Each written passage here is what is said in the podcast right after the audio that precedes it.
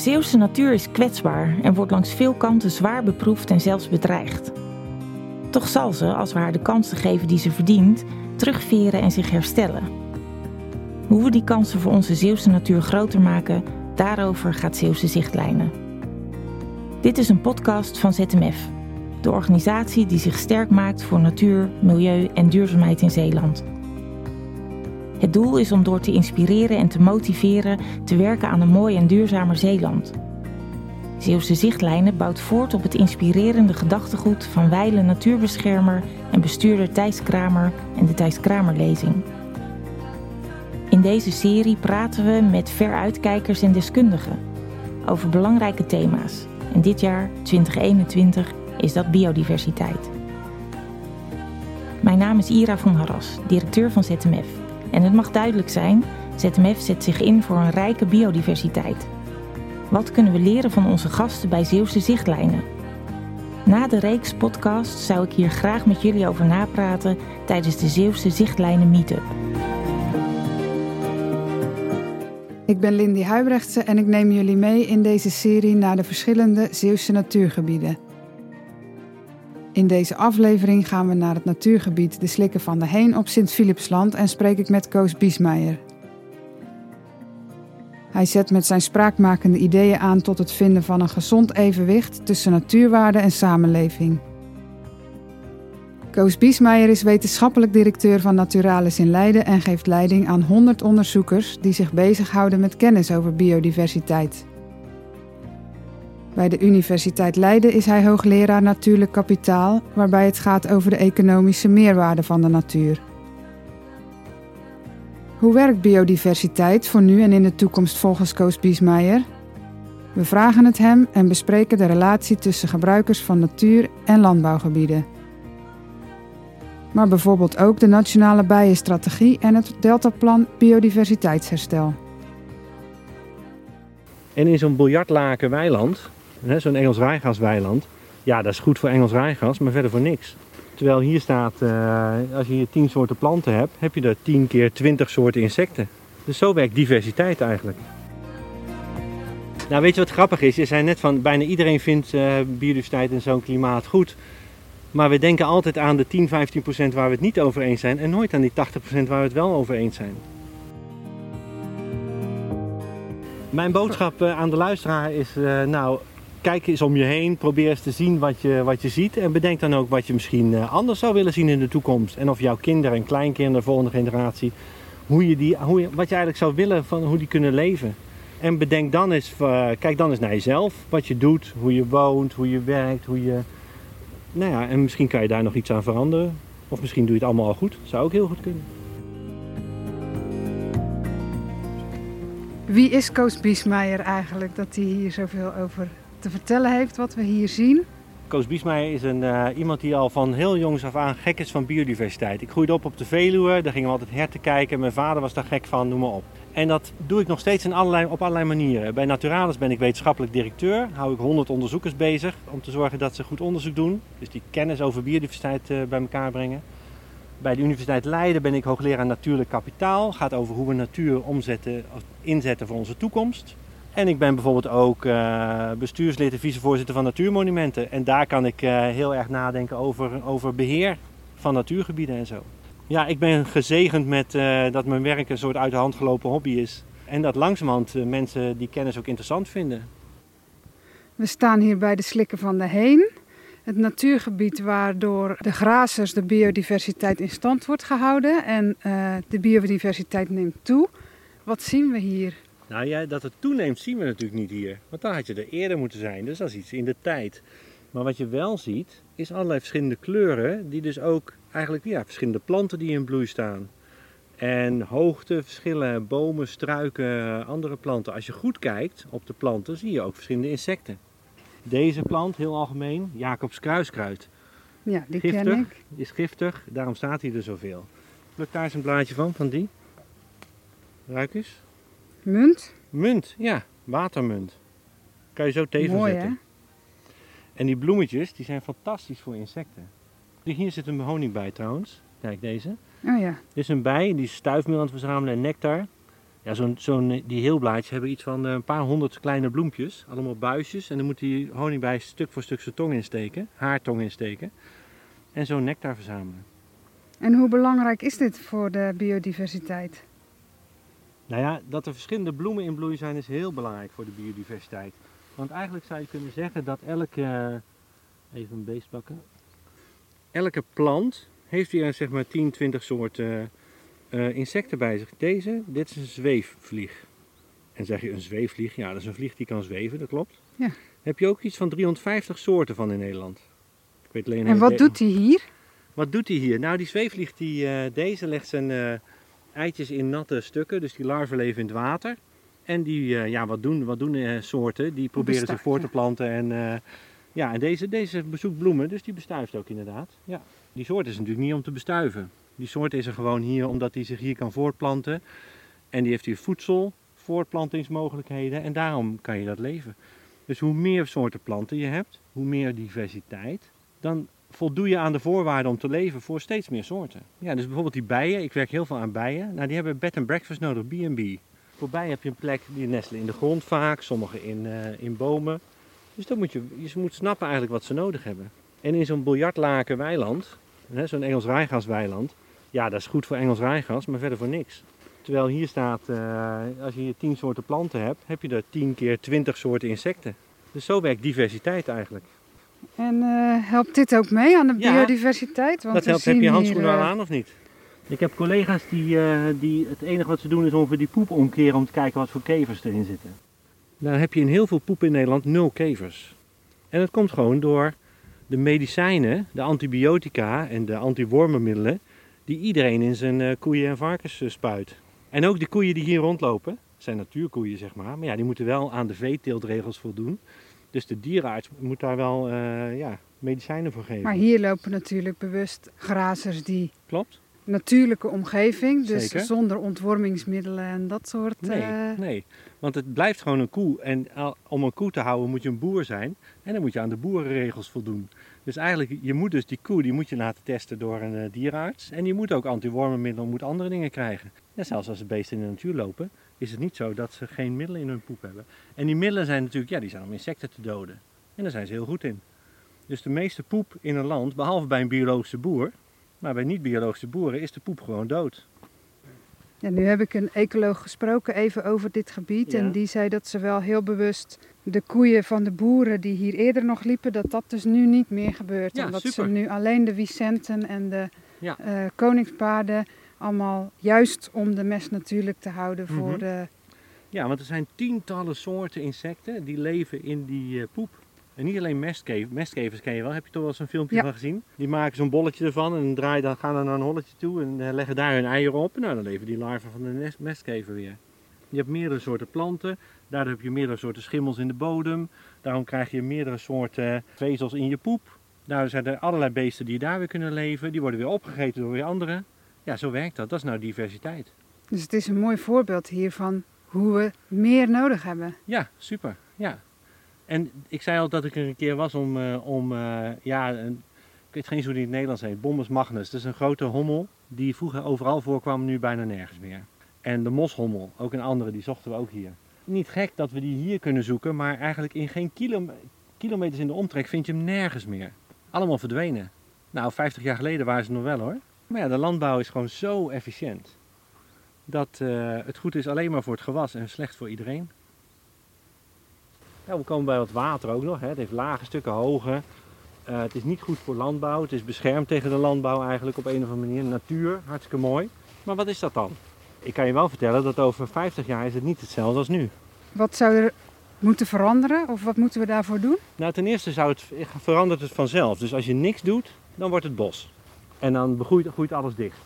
En dat komt door een deel omdat dat normaal is, dat uh, die, die natuur wordt bos in Nederland. Maar ook mede, het wordt ook bos met, uh, met maar een paar soorten, want uh, er valt heel veel stikstof uit de lucht. Dus eigenlijk wordt dit gewoon bemest door de landbouw, terwijl het natuur is. En daar kunnen niet zo heel veel plantensoorten tegen. En heel veel van onze zeldzame natuur in Nederland, dat bestaat uit soorten die eigenlijk niet van veel voedsel houden. Oh, kijk, er gaat een kikker nog, oh, die sprong hier. Dus er zijn heel veel Ja. soorten die houden eigenlijk houden eigenlijk niet van voedselrijke systemen. Hè? Dus met heel veel stikstof, heel veel uh, fosfaten, noem maar op. Maar ja, dat hebben we niet meer in Nederland, want overal valt stikstof uit de lucht. Dus het hele land wordt bemest. En daardoor heb je dus al die, al die bramen hier en uh, brandnetels. En allerlei andere soorten die dit. En, uh, en overal gras. En wat moeten we dan doen? Bedenken wat, we, wat de rol van die natuur is. Of wat we zouden willen hebben over, over 50 jaar. En als dat is, zeg maar, dit soort systemen behouden, ja, dan moet je dus zorgen dat er over uh, tien jaar weer zo'n stuk helemaal kaal zand wordt. Want dan kan dat weer uh, opnieuw uh, begroeien. Plus, het is belangrijk dan om met de landbouw samen te kijken hoe kunnen we die stikstof verlagen. Hoe kunnen we nou zorgen dat het waterkwaliteit omhoog gaat. Dat soort dingen. Want hier zit natuurlijk land en water heel erg samen. Ja. En dit Ja. is zoet nu. Maar je zegt het zit heel erg samen. Maar eigenlijk doen, hebben we ontzettend ons best gedaan om het helemaal niet samen meer te laten zijn. Wat je noemt slikken, hè? Nou, het zijn slikken, dat zijn dingen die invloed hebben van de zee. Nou, dat is wel heel ver weg eh, nu, letterlijk, hè? figuurlijk ver weg. Letterlijk is het vrij dichtbij, maar letterlijk, figuurlijk is het heel ver weg. Want overal liggen dammen, eh, water wordt beheerd door de landbouw. Dit stroomt niet meer over. Daar zijn we ook heel goed in om te zorgen dat het niet kan. Dus het is helemaal niet dicht meer bij het water en de zee. Maar samenwerken met de natuur. Ja. En dat is een andere reden om waarom dat nodig is. Een verschillende reden. Iets dat heeft te maken met appels en peren, kunnen we het zo over hebben. Maar ook iets wat heeft te maken met zeespiegelstijging en dat soort dingen. Koos Biesmeijer wordt ook wel de bijenprofessor van Nederland genoemd. Tijdens de wandeling praten we over de betekenis van de bijen voor de natuur en de fruittelers. Hij pleit voor een andere manier van denken. Door de natuur echt als partner te zien ontstaan nieuwe mogelijkheden en natuurlijke oplossingen. Nou, appels en peren in Zeeland. Hè? Ehm, op eh, Appels Bever- en- Zuid-Beverland bijvoorbeeld heb je enorm veel fruitteelt. Heb je onder andere Rinus van de Westeinde. En die ken ik toevallig goed, want die is ook heel erg betrokken bij bijen. Dan je zeggen, bijen, dat is toch een perenteler? Ja, dat klopt. Maar als, je, als het gaat om een peer of een appel, de helft van de waarde van die peer en appel komt door bestuiving. Door bijen. Als Rinus helemaal geen bijen zou hebben, en zweefvliegen, dan zou, die, eh, zou zijn oogst halveren. Dus daarom moet hij zorgen dat hij in de buurt. eh, hij kan natuurlijk honingbijen invliegen, maar dat is een soort noodoplossing. Dat is alsof je, net zoals begrazers hier, een soort eh, ja, vee invliegen. Hij kan ook zorgen met zijn buren dat het landschap verandert, zodat die wilde bestuivers het goed doen. Als hij nou zo'n natuurgebied als dit of een bloemdijk, wat hij echt letterlijk naast zijn huis heeft, zo'n bloemdijk daar heeft, daar, die bloemdijk die kweekt eigenlijk je bestuivers die als jouw appels en peren in bloei staan, hup, naar je toe komen en het werk doen. Mooie samenwerking. Ja. En de waarde van die insectjes die bestuiven, ja, dat is iets van tussen de 250 en 500 bil- miljard dollar per jaar in de wereld. En meer dan een miljard in Nederland. Hoe bereken je dat? Dat is een goeie. Nou, dat is nou mijn vak. Want je bent benoemd tot hoogleraar natuurlijk kapitaal. Ja, ja, en dat is inderdaad. Ja, maar ik werk al heel lang aan, aan onder andere dit soort dingen. Nou, en dat is, dat is wel grappig hoor dat je dat vraagt, want het is, het is namelijk geen rocket science eigenlijk. Hè. Je hebt, op een gegeven moment heb je een eh, bloem, een appelbloem. En ik wil eigenlijk weten, hoeveel appels produceren die bloemen nu met bijen en zonder bijen? Nou, dan doe ik er een zakje omheen om de helft en geen zakje om de andere helft. Kunnen er geen bijen komen en bij die andere wel, kan ik kijken hoeveel appels komen er met en zonder zakjes eromheen. Ik kan ook zorgen dat er alleen honingbijen bij komen. Of maar één bezoek van een honingbij. Of twee bezoeken. Of alleen maar hommels. Op die manier hebben we in een groot project uitgezocht wat nou die waarde van die bestuiving is voor appels en peren. En waarom is dat zo belangrijk om dat te doen? Nou, omdat, eh, kijk, dat die waarde er is, dat, dat beseffen we ons wel, besef ik me wel, maar het gaat niet om mij. De fruittelers beseffen wat de waarde is van die bijen en bestuiving. Dan kan je dat meerekenen met de waarde van kunstmest of de waarde van eh, landbouwgif of de waarde van een nieuwe tractor. En de bijdrage van een nieuwe tractor aan je teelt wordt ook berekend. Want de bank zegt, op een gegeven moment zeggen ze, oh maar ik moet, als ik hierin investeer, levert het zoveel op. Nou, dat kunnen ze nu met bijen ook. Als ik investeer in de omgeving en, eh, en een eh, bloemdijk, levert het zoveel op. Dus het komt in het systeem te zitten. En gebeurt dat ook nu al? Ja. En wat levert dat op? Nou, het levert mij in ieder geval ongeveer een volle werkweek op, eh, dit soort dingen. Want iedereen wil dit soort dingen langzamerhand doen. In Zeeland heb je de Zeeuwse bijenstrategie. Die bijenstrategie is er niet door mij. Die is er doordat, we, doordat mensen zich druk maken over het verlies van biodiversiteit. meer dan 50% van de bijensoorten eh, doet het heel slecht in Nederland en die zijn achteruit gegaan. Nou, dat is best wel veel. En dan gaan mensen zich afvragen, ja, hey, willen we dat eigenlijk wel? Uh, is dat niet een probleem? Hey, vroeger zag ik allemaal dit soort dingen, nu niet. Dus toen zijn er partijen bij elkaar gekomen die zeggen van ja, daar moeten we iets aan doen. En ik heb ook meegewerkt aan een groot uh, VN, een Verenigde Naties rapport van IBES over bestuivers voor de hele wereld.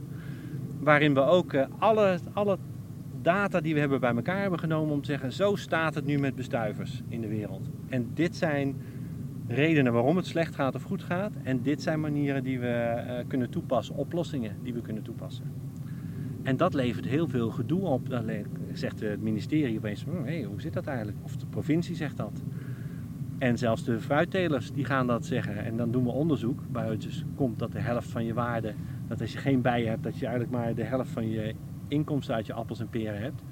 Ja, en dan gaan ze zich achter hun oren krabben van, hé, hey, hoe zit dat eigenlijk? Wat moeten we dan doen? Ja, want die oplossingen die liggen daar dus. Ja. Die staan in dat rapport.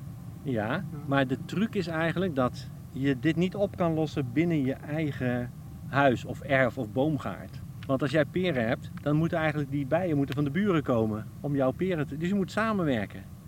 En daarom heb je zo'n strategie nodig. En zie je daar al uh, iets van terug? Oh ja, enorm. Ja, in Zeeland weet ik niet zo goed, maar bij ons in, de, in Leiden in de buurt hebben we een groene cirkel bijenlandschap. Daar hebben we een nulmeting gedaan met hoeveel soorten zijn er. Uh, in 2015 zijn we allemaal aan de gang gegaan met anders maaien, anders eh, beheren, sommige dingen anders inrichten. Zowel de boeren, waterschap als bedrijven, noem maar op. Hebben we 34% meer wilde bijensoorten nu dan in 2015. Dat is al een heel groot uh, resultaat. Ja. ja. Dus het kan. Het kan. En het kan vooral met bijen en planten, of insecten en planten, want die gaan vrij snel. Die draaien vrij snel rondjes. Hè? Die leven maar een paar weken of een, of een. Hebben verschillende generaties per jaar. En wat voor soort oplossingen komen daar dan nou, dan voor wordt het moeilijk. En dat dromen is makkelijk, moeilijk. hè? Ja. maar daarna wordt Ja. het moeilijk. Want dan op een gegeven moment weet je dus, hey, dat landschap, daar hoort. eh, en dan kan je, die nieuwe dingen zijn makkelijk. En dan kan je, oh, dan gaan we dus een nieuwe natuur maken. Of nieuw beheren of wat dan ook. Maar welke dingen ga je niet meer doen? Die moeten er ook bij. Ja, minder landbouwgif gebruiken. Inleveren minder is stukstof. moeilijker dan... Ja, dingen veranderen, nieuws. dat is voor iedereen moeilijk. Voor Ja. alles en iedereen. En dat is dus de truc om, om de beweging in te zetten daar naartoe. En dan moet je aan de onderkant de dingen die niet meer werken in dat nieuwe systeem, die moet je uitfaseren. En de nieuwe dingen moet je eh, zeg maar laten, moet je stimuleren. En daar zijn we heel hard mee bezig. Ook niet alleen hier in, eh, ja, in natuur, eigenlijk ook met de Rabobank, met eh, allerlei bedrijven, met ministeries. Omdat iedereen wil, maar het huidige systeem laat veel van die dingen helemaal niet toe. Dus je moet eigenlijk ruimte voor innovatie, je moet omdenken.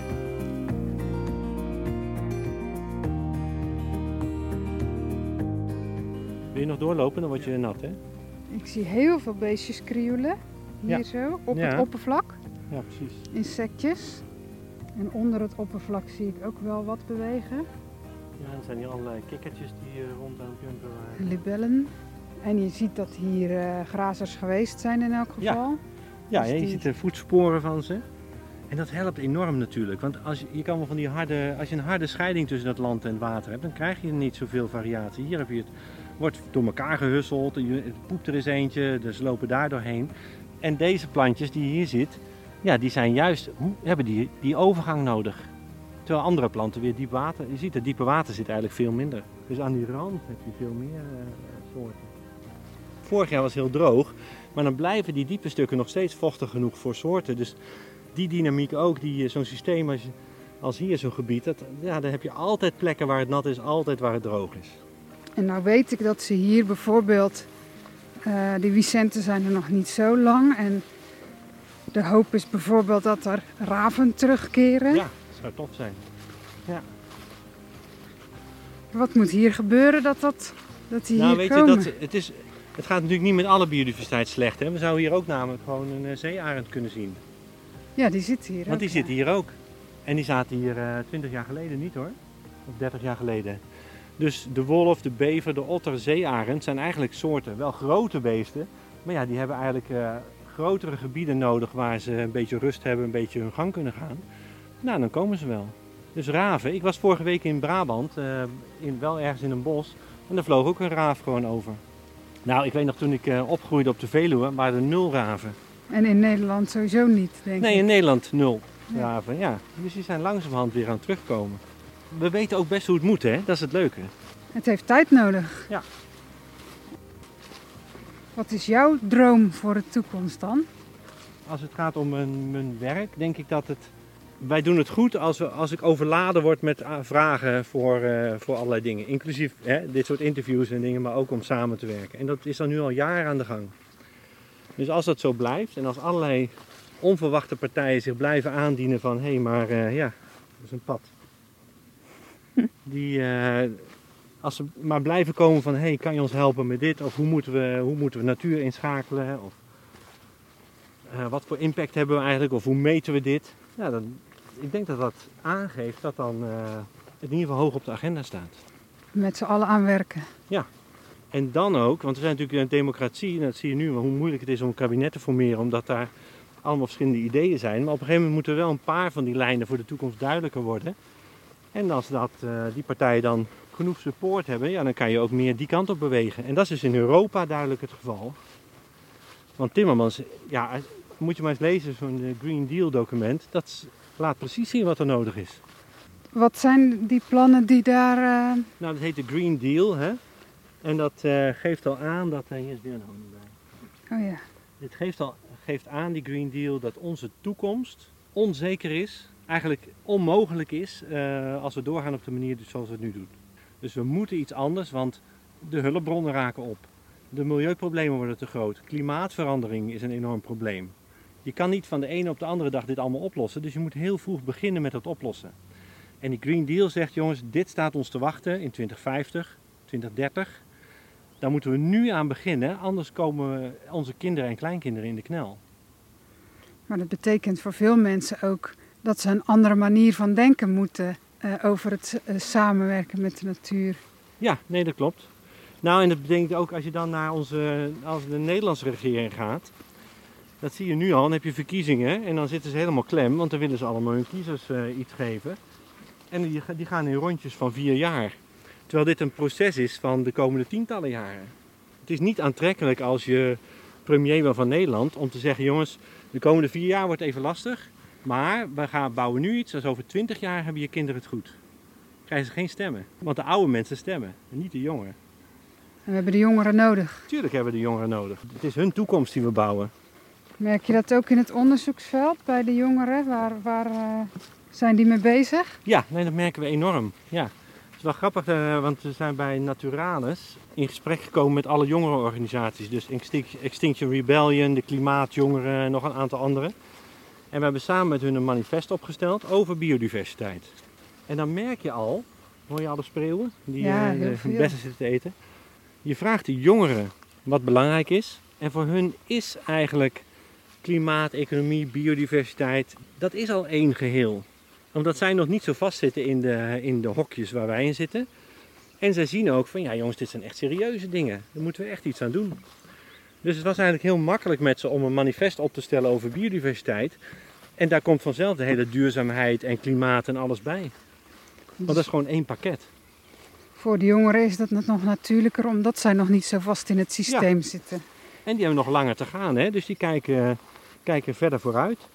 En die zijn ook natuurlijk nog, eh, ja, die hebben nog geen eh, huisje, boompje, beestje, eh, zo allemaal. Dus die zijn nog flexibeler ook. Zou dat een deel van het probleem zijn? Dat Ja. mensen vastzitten en ook moeilijk vinden om het Ja. patroon te doorbreken of in te leveren? Want hoe vaster je zit, hoe, minder, hoe erger je verandering vindt. En dit gaat om verandering. En soms ook wat inleveren volgens mij. Ja, inleveren, maar het gaat dus om twee dingen. Het moet duidelijk zijn dat dit nodig is, dat die urgentie er is en dat het beter is om iets anders te doen. En dan accepteren dat dat niet per definitie betekent voor jou dat je morgen en overmorgen het beter doet dan vandaag. En beter in de zin van meer geld. Juist, want daar gaat het natuurlijk ook Ja. vaak over. En geld is natuurlijk, dat vergeten we wel eens, dat is een middel en geen doel. Eigenlijk gaat het dus niet om geld, het gaat om kapitaal. En Timmermans en de Green Deal zeggen, hé, met alleen het financiële kapitaal redden we het niet. We moeten een sociaal kapitaal, we moeten goed samenwerken. En we moeten natuurlijk kapitaal inzetten. Want die waarde van de natuur is heel direct, soms heel direct, hè, zoals deze bramen. Vicente krijgen we uiteindelijk niet te zien, maar we praten verder over de rol van de overheid, de biologen en de betekenis van het Deltaplan biodiversiteitsherstel. Wat verwacht je van de overheid? Ik heb een tijd bij de provincie Zuid-Holland gewerkt en ik doe veel met eh, het ministerie van LNV en een beetje met de gemeente waar ik woon. Ik merk gewoon dat de mensen die er werken dit allemaal heel goed snappen en het beseffen. Maar ik merk ook dat ze in een soort beleids- en, bestuurlijk systeem zitten wat veranderen heel moeilijk maakt. Omdat je met alles wat je doet in Nederland, loop je tegen de randjes op. Dus die durf, dat lef om die visie neer te leggen en zeggen we gaan nu echt die kant op, dat is heel moeilijk. En het blijkt dat uh, bedrijven dat veel makkelijker kunnen soms. Hoe komt dat? Die zijn er echt direct afhankelijk van. Dat is heel grappig, hè? met Heineken bijvoorbeeld, met die uh, Heineken brouwerij. Of een ander voorbeeld, Graafstroom. De Graafstroom is een kaasfabriek in de Alblasse Waard. De boeren zijn daar eigenaar van. Maar die beseffen, hé, hey, de bodem daalt, uh, biodiversiteit gaat achteruit, het is moeilijker, de regelgeving wordt lastiger. Wij kunnen niet doorgaan zoals nu. Dus over 20 jaar verdienen we geen geld meer. Nou, dan moeten ze daar iets aan doen. Terwijl de overheid die kan dat allemaal heel wollig uh, verstoppen in dingen. Dus de grote bedrijven die hebben gewoon de power ook om, uh, om te zeggen: jongens, uh, help mee, dit moeten we veranderen. En zij zien de financiële gevolgen voor de toekomst ja. ook. Ja. Dus dat moet de overheid eigenlijk ook op die manier zien. Ja, maar de overheid heeft niet zeg maar, een directe producten waar ze zo afhankelijk van zijn. Hè? Zoals Heineken beseft gewoon als we nu zo doorgaan als nu, dan over 20 jaar zitten ze niet meer in de markt, want er moet er gewoon 0% CO2-emissie op een flesje staan. Want zij denken, over 20 jaar zit dat zo in het systeem, hè, klimaatneutraliteit, dat moet iedereen, moeten de consumenten kunnen zien. Nou, dan moeten we dus doen. En hoe doen we dat dan? Ze moeten mee voor het bestaan van hun bedrijf. Ja. En eigenlijk moeten we allemaal mee voor Ja. ons bestaan Ja, zeker. en onze toekomst. En mensen vragen wel eens van, is het dan niet lastig om met een bedrijf samen te werken? Ja, soms is dat niet zo makkelijk. Maar aan de andere kant, als het zo in hun business zit en in hun problemen en in hun oplossing. Ik heb nooit zo'n goede uitgangspositie als met een groot bedrijf natuurlijk. Als die serieus zijn. Want zij willen wel veranderen. Ze weten dat, waarom ze het willen. Ja. Terwijl de overheid, ja, die kan eh, over vier jaar weer wat anders doen als, eh, als opeens een andere crisis of weet ik het wat is. En stel dat we over tien jaar nog een keer hier afspreken. Hoe zou het eruit zien? Hoe zou het eruit zien over tien jaar? Nou, ik hoop eigenlijk dat we dan nog steeds die diversiteit zien, maar misschien iets minder bramen en iets minder brandnetels.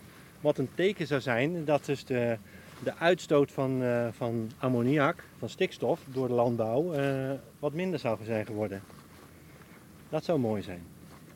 Maar dat gaat wel even duren, want dit is tientallen jaren bevrucht door, eh, door al die stikstof. Dus je moet eigenlijk wel, eh, ja, het duurt wel even voordat je dat allemaal weer eruit hebt. Maar het kan wel. Ja, het kan wel, zeker. Nou weet je, het begint bij bewustzijn over dit soort dingen. En de stikstofcrisis is nu net alsof die uit de lucht komt vallen, maar dat is onzin. Want er waren 40 jaar geleden al eh, rapporten over die precies dat aangaven. En dat, daar baal ik natuurlijk wel van als, als, eh, als hoogleraar natuurlijk kapitaal of als ecoloog. Maar het geeft eigenlijk vooral aan dat de ecologen en zo nog niet de manier hebben gevonden om echt door te dringen tot het systeem. Want wat 40 jaar geleden al bekend was, daar komen mensen nu net nog eens achter. Ja, en die rapporten, de, de oudere lui kennen nog die rapporten allemaal die in de la liggen, maar verder niemand. En dat is natuurlijk wel een probleem. Dus het is heel korte termijn allemaal tegenwoordig. En daarom wordt er ook wel veel gevraagd van ons als onderzoekers. Want alles wat je doet moet je eigenlijk goed onderbouwen. En dat is helemaal terecht. En welk onderzoek loopt er op het moment? Is er iets? Er loopt heel veel onderzoek. Ten eerste aan de biodiversiteit loopt veel onderzoek om te kijken hoe kunnen we nou systemen herstellen en hoe is de veerkracht. Maar veel van mijn onderzoek gaat tegenwoordig ook niet alleen maar meer over de ecologie. Maar dan werk ik samen met eh, sociale wetenschappers die alles snappen van bestuurskunde of van hoe mensen samenwerken. Oh ja. Of met economen. Die kunnen echt kunnen berekenen wat de waarde is van natuur binnen, voor een melkveehouder. En iets waar je heel veel, iets heel veelbelovends, waar je veel van verwacht. Wat we heel veel doen, en dat heeft hier heel erg mee te maken, is zeg maar de onzichtbare biodiversiteit zichtbaar maken. Heb je een idee hoeveel soorten we hebben eigenlijk in Nederland? Soorten planten, dieren, schimmels. Nee, ik Nee. weet het niet. Nou, ongeveer zo'n 45.000. Daarvan is 53% insect en spin en zo. Dus van die kleine Meer dan de beestjes. helft. Meer Ja. dan de helft. Ongeveer een kwart is een schimmel. Dus dan zit je op drie kwart. Dan heb je alleen maar de insecten, spinnen en schimmels. Dan hou je heel weinig over. Dan heb je nog redelijk wat algen, dat zijn er ook best wel veel, 8% of zo. Nog wat andere gekke groepen, planten, dat is iets van 5%. Dan hou je 1% nog over en dat zijn alle gewerpen. Dus de vogels, zoogdieren, vissen, reptielen, amfibieën. Waar het meestal over gaat. Dat is maar 1% van de soorten. Maar ja, Dus hoe weet je nou welke soorten waar voorkomen? Ja, dat weten we natuurlijk niet. Dus wij zijn nieuwe methodes aan het gebruiken om die soorten te kunnen vinden en op naam brengen. Die onzichtbare di- biodiversiteit. Dus eh, DNA-methodes bijvoorbeeld. Als je een hap zand eh, geeft, dan kunnen wij eh, over een tijdje je precies vertellen welke soorten schimmels daarin zitten. Of als je een hap water geeft, dan kunnen we zeggen welke beesten daarin zitten of langsgezwommen zijn. Door middel van DNA-technieken. Ja. Bijzonder. En ook eh, bijvoorbeeld een vis, hè, die, eh, die laat schubben en andere dingen achter. Dus je kan ook een vis of een salamander nog... Je kan zien in het water dat hij er geweest is, omdat er nog DNA-stukjes in Oh, zitten. ja. En een andere manier is via beeldherkenning. Je hebt een hele leuke app, die heet Ops Identify. Ik weet niet Ja. of je die kent. Ja. Die maken we bij Naturalis samen met een paar partijen. En dat is eigenlijk gewoon een, eh, een, beelden, een beeldbank van alle soorten. Wij hebben experts die zeggen, ja dit is een brandnetel, dit is een, eh, een wilde peen. Nou, dan kunnen we de nieuwe beelden, nieuwe foto's die je maakt, kan je dan laten identificeren. En dat doen we nu al automatisch ook. Dat wordt de toekomst. Ja, maar de toekomst is al aan het, aan het gebeuren. Hè. Eh, we hebben bijvoorbeeld camera's die insecten automatisch eh, vastleggen. Dus dat is een camera met een geel stuk plastic ervoor. Daar landt een insect op. Die camera neemt elke 10 seconden foto's van het hele stuk. Knipt daar de beeldjes uit van de nieuwe insecten. Meet hoe groot ze zijn. En kijkt wat ze zijn. Vergelijkt ze met onze beeldbank. En zegt dan, oh dit is een, eh, dit is een wans. Waarschijnlijk van die soort en is zo groot. En kun je daar dan op anticiperen? Als nou mensen zeggen, ja, maar die natuur is, of de landbouw is helemaal niet zo slecht voor natuur, dan kunnen we die camera's zeg maar, in de landbouw en in de natuur zetten en vergelijken. En laten Ja. zien hoe het er echt mee eh, aan de gang is. En dat geldt voor de bodem ook. Dan kan je kijken hoeveel schimmel zit er eigenlijk in je bodem en zijn dat goede of slechte. Of hoeveel insecten vliegen er in je gewas. En hoe gezond is dat dan? Ja. Ja.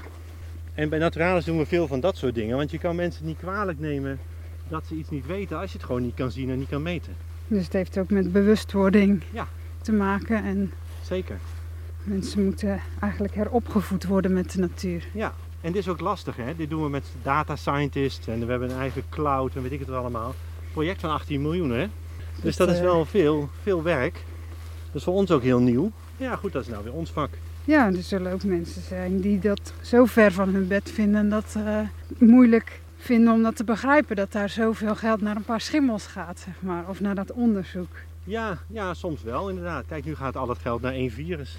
Ja, Dus ja, in die zin, als het eh, belangrijk is, dan... En bijvoorbeeld de waterschappen, die geven 90 miljoen per jaar uit, euro's, om waterkwaliteit te meten. En dan nemen ze monsters, dat moet naar een lab, dan doen ze onder de microscoop. Dus als we op een gegeven moment die monsters via, meer, via de DNA-lijn kunnen doen, dan krijg je betere gegevens, stabieler, Mhm. betrouwbaarder en op den duur goedkoper. En dan kan je opeens ook van boeren vragen van, hé hey, maar als je dit doet, eh, dan moet je wel af en toe je water meten, want dan kunnen we kijken hoe het gaat. En dan kan de Rabobank zeggen, hé, hey, als het nou beter met je water is, kunnen we misschien rentekorting geven. Samenwerken is heel moeilijk, hè. Dus die, we hebben een deltaplan biodiversiteit herstel, ook een ingewikkelde term, maar er zijn nu meer dan 80 eh, organisaties al partner van. En daarin ontwikkelen we dit soort dingen. En dat gaat niet alleen over de land, dat gaat over, over de bouw ook. Er moeten een miljoen huizen bij. Ja, hoe, bouwen, hoe bouwen we die dan? er zitten heel veel partijen in hè, om Ja. dat samen te doen. Zeker. Kijk, en de bouwers die vragen ook van, hé, maar wij willen wel natuurinclusiever en wij willen wel dit meer doen, maar hoe dan? Wat voor meetsysteem? Dus wij maken meetsystemen om dat met de bouw te doen, om dat met de landbouw te doen, waterschappen. Mijn dag begon met een overleg met de waterschappen hierover. Weet je, het belang is juist dat je kan nationaal wel met elkaar praten, maar je moet het regionaal oplossen. Dus een Zeeuw- Zeeuwse Milieufederatie is super belangrijk in het gebied waar ze actief zijn, om daar de partijen te zoeken waar je dit soort dingen het best mee kan doen. En dat is wel grappig, want traditioneel denk je natuurlijk aan donkergroen en actie als het niet goed gaat. Maar de Milieufederaties zijn ook steeds meer bezig om samen met partijen te kijken Hoe kunnen we nou hier oplossingen voor vinden? Vind ik heel knap van ze hoor, want hè, het is ook uh, interessant, want het is natuurlijk voortgekomen uit actie. Maar nu moet je echt samenwerken en ook vertrouwen hebben in partijen waar je eerst geen vertrouwen in had. Het is vooral een soort sociaal-psychologische uitdaging. Als je eenmaal Ja. die dromen hebt, die we eigenlijk voor een groot deel hebben, ja, dan moet je wel het vertrouwen hebben eh, dat je samenwerkt met mensen die dat ook doen. En, dat is heel erg lastig hoor. en elkaar inspireren met Ja, een keer een podcast of een... dat klopt. En ook eh, je onzekerheid communiceren. Laten weten wat je niet weet. En dat is helemaal moeilijk voor mensen. Vooral voor onderzoekers. Ik weet het meeste natuurlijk niet. En als ik samenwerk met partijen, dan zeg ik ook vaak de eerste keer dat ze vragen: hey, kan je dat of dat doen? Zeg van ja, maar dat kan ik niet. Of, ik, of eh, misschien heb, heb je dat eigenlijk wel nodig. Dus dat is eigenlijk een heel gesprek ook om erachter te komen wat jou nou helpt en hoe we elkaar kunnen helpen. En dan vragen ze bijvoorbeeld: kan je kaarten van biodiversiteit maken? En dan vraag ik: waarom heb je die nodig dan? Wat is het doel ervan? Hoe past dat in. wat zou een verschil maken? Hè? Wat zou nou iets zijn waar je jouw bestuurders of zo, eh, waar je die mee kan overtuigen van iets? Nou, dan kunnen we het over hebben wat wij kunnen doen.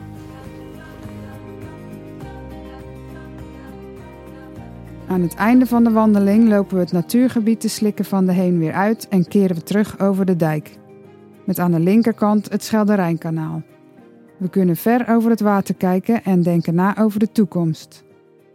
Ook geeft Koos Biesmeijer de luisteraar nog een boodschap mee. En wat denk jij dat, eh, hoe, wat gaat er met jou gebeuren de komende tien jaar als je Kijk, ik zit, ik zit heel concreet met jonge kinderen die het goede voorbeeld wil geven. En ik denk Ja. dat het daar begint. Dat Ja. je kinderen leven je na, zeg maar. Of dat Ja. eh, thuis is of nou ja, de keuzes die je maakt. Nou, maar weet je, dit, je moet dit ook niet doen voor de aarde. Je moet het eigenlijk doen voor jezelf. Anders hou je het niet vol. Ja, en voor je. En voor je, dus Voor- je de kinderen en toekomst. voor je toekomst. Ja, dat drijft mij ook hoor. Wat geef je de kinderen mee voor de toekomst? Wat geven die kinderen mee? Nou, ik geef ze vooral mee dat ze eh, moeten nadenken. Niet alles moeten geloven wat ze horen. En zelf zeg maar een goede basis hebben over dat ze ja, met respect en op een, op een eh, goede manier met mensen omgaan. En met de omgeving. Dat geef ik ze wel mee. Ja. Met de aarde. Ja. Ja, maar goed, mijn, mijn vrouw en ik zijn allebei bioloog, maar mijn zoon gaat nu psychologie studeren. Misschien is hij daar wel gelijk in, hè? die menselijke kant is veel belangrijker. Wat mijn dochter gaat doen, weet ik nog niet, die is maar 14 nog. Maar eh, wat ze doen, iedereen moet daar zijn plek in vinden. En ook de luisteraars misschien van deze podcast. Ja. We hebben natuurlijk allemaal een rol hier in het Zeeuwse of in de, in de Ja, je hebt thuis een rol, Nee. in het Zeeuwse, in de wereld, noem maar op. En weet je, dan kunnen, dat is lastig in deze dingen, want dan zeg je, ja Koos, je zegt dit nu wel, maar je vloog pas nog naar, eh, weet ik het wat, ver weg is dan toe voor Ja. iets. Heb je dan geen vliegschaamte? Ja, nou ja, je hebt natuurlijk vliegschaamte, je moet weten wat je eet, je moet weten wat je doet, wat je niet doet. Niemand kan alles doen, dus je moet, het is belangrijk dat je bij jezelf ook kijkt van, hé, hey, met zo'n soort kant heb ik eigenlijk voor me. Nou, daar kies ik deze dingen voor, want ik denk dat dat helpt. Je moet ook bij jezelf passen. Anders Ja. word je alleen maar zagrijnig. Dat is ook niet leuk. Ja, veel mensen weten natuurlijk wel, je wil graag het goede doen, maar waar doe je dan goed ja, en aan? voor wie dan? Voor wie doe je het goede ook, hè? Want voor de aarde kan je wel leuk doen, maar ja, daar krijg je niet zoveel van terug hoor, kan ik je vertellen. Dus het is vaak, als je voor je kinderen of voor je buren of voor je omgeving het goede doet, of samen met iets. Stel nou dat je een gebied hebt om je heen waarvan je denkt in je gemeente, waarvan je denkt, goh, zou- zouden we nou met z'n allen niet dit eens kunnen veranderen? Nou, stap dan naar die gemeente toe. Veel gemeenten staan heel erg open daarvoor om iets te doen. Of als je iets niet snapt, doe dat samen met, eh, met mensen in je buurt. Dus de initiatieven ondersteunen. Ja, en je moet ook Van- zoeken waar je energie van krijgt. Of wat is jouw boodschap? Mijn boodschap eh, aan de luisteraar is, eh, nou, kijk eens om je heen, probeer eens te zien wat je, wat je ziet en bedenk dan ook wat je misschien anders zou willen zien in de toekomst. En of jouw kinderen en kleinkinderen, de volgende generatie, hoe je die, hoe je, wat je eigenlijk zou willen van hoe die kunnen leven. En bedenk dan eens, eh, kijk dan eens naar jezelf, wat je doet, hoe je woont, hoe je werkt, hoe je... Nou ja, en misschien kan je daar nog iets aan veranderen. Of misschien doe je het allemaal al goed, zou ook heel goed kunnen. Nou, de boods- boodschap van de politiek is, en dat is een lastige, dat is lef hebben en durf. Want je weet het wel. Luister naar die, die experts binnen je gemeente, binnen je provincie. Die weten het allemaal supergoed. Maar durf. Probeer over, over je eigen schaduw heen te kijken. En dat is dus heel moeilijk. Dat zien we nu ook in de dagelijkse politiek in Den Haag. Nou, bij deze een oproep aan de politiek die dit, uh, ja. dit hoort. Nou, weet je wat grappig is? Je zei net van bijna iedereen vindt uh, biodiversiteit en zo'n klimaat goed. Maar we denken altijd aan de 10, 15 procent waar we het niet over eens zijn en nooit aan die 80 procent waar we het wel over eens zijn. En dat is nu bij die partijen ook in de Tweede Kamer of in veel coalities in de provincies of gemeentes. Die zijn het eigenlijk 80% eens. Nou, moeten het gewoon gaan doen. Als je daar nou eens mee begint en dan eens kijkt hoe of wat, dan uh, gaan we een stuk harder, denk ik. We lopen nu het gebied uit. We kijken nog even terug hier naar het hek op de dijk bij de Slikken van de Heen. Ik wil je heel erg uh, hartelijk bedanken voor dit inspirerende gesprek. En ik hoop dat we hier nog over kunnen napraten bij de meetup van de Zeeuwse Zichtlijnen. En dat er nog heel veel uh, ideeën uitkomen en mensen die elkaar gaan opzoeken. Nou, dat hoop ik ook. Hartstikke bedankt voor de uitnodiging. Ik vond het ook heel leuk. Die toekomst is onzeker. Net zoals hier die weg. Hè. Je hebt een hek en weet niet wat erachter is vanaf hier. Dat hek moet open en we, moeten, we kunnen samen bepalen wat erachter komt. En dat kan ik ook niet alleen, dat moeten we met z'n allen doen. Dus daar werk ik graag aan mee. Dan doen wij dat ook. Dankjewel. In deze aflevering van de Zeeuwse Zichtlijnen podcast sprak ik met Koos Biesmeijer over biodiversiteit, gebruikers van het landschap en manieren waarop er tussen overheid, bedrijfsleven en de natuurorganisaties kan worden samengewerkt. De volgende keer hoor je het gesprek met Bas Borsje, universitair hoofddocent aan de Universiteit van Twente en expert op het gebied van duurzame kustbescherming en levende dijken. We lopen dan over de slikken en schorren van het verdronken land van Zuid-Beveland. Maar je krijgt er weer zoveel ideeën en inspiratie. Alleen als je zo'n gul hier voor ons ziet lopen. Ja, dat is niet zomaar een gultje van, ja, wat zal het zijn? Uh, ik denk dat hij zo 5 meter breed is, 2 meter diep. De hoeveelheid water die hier doorheen loopt per getij, ja, dat is indrukwekkend. En dat beseft je ook elke keer weer. We kunnen bouwen met de natuur, maar we moeten ook respect hebben voor de natuur.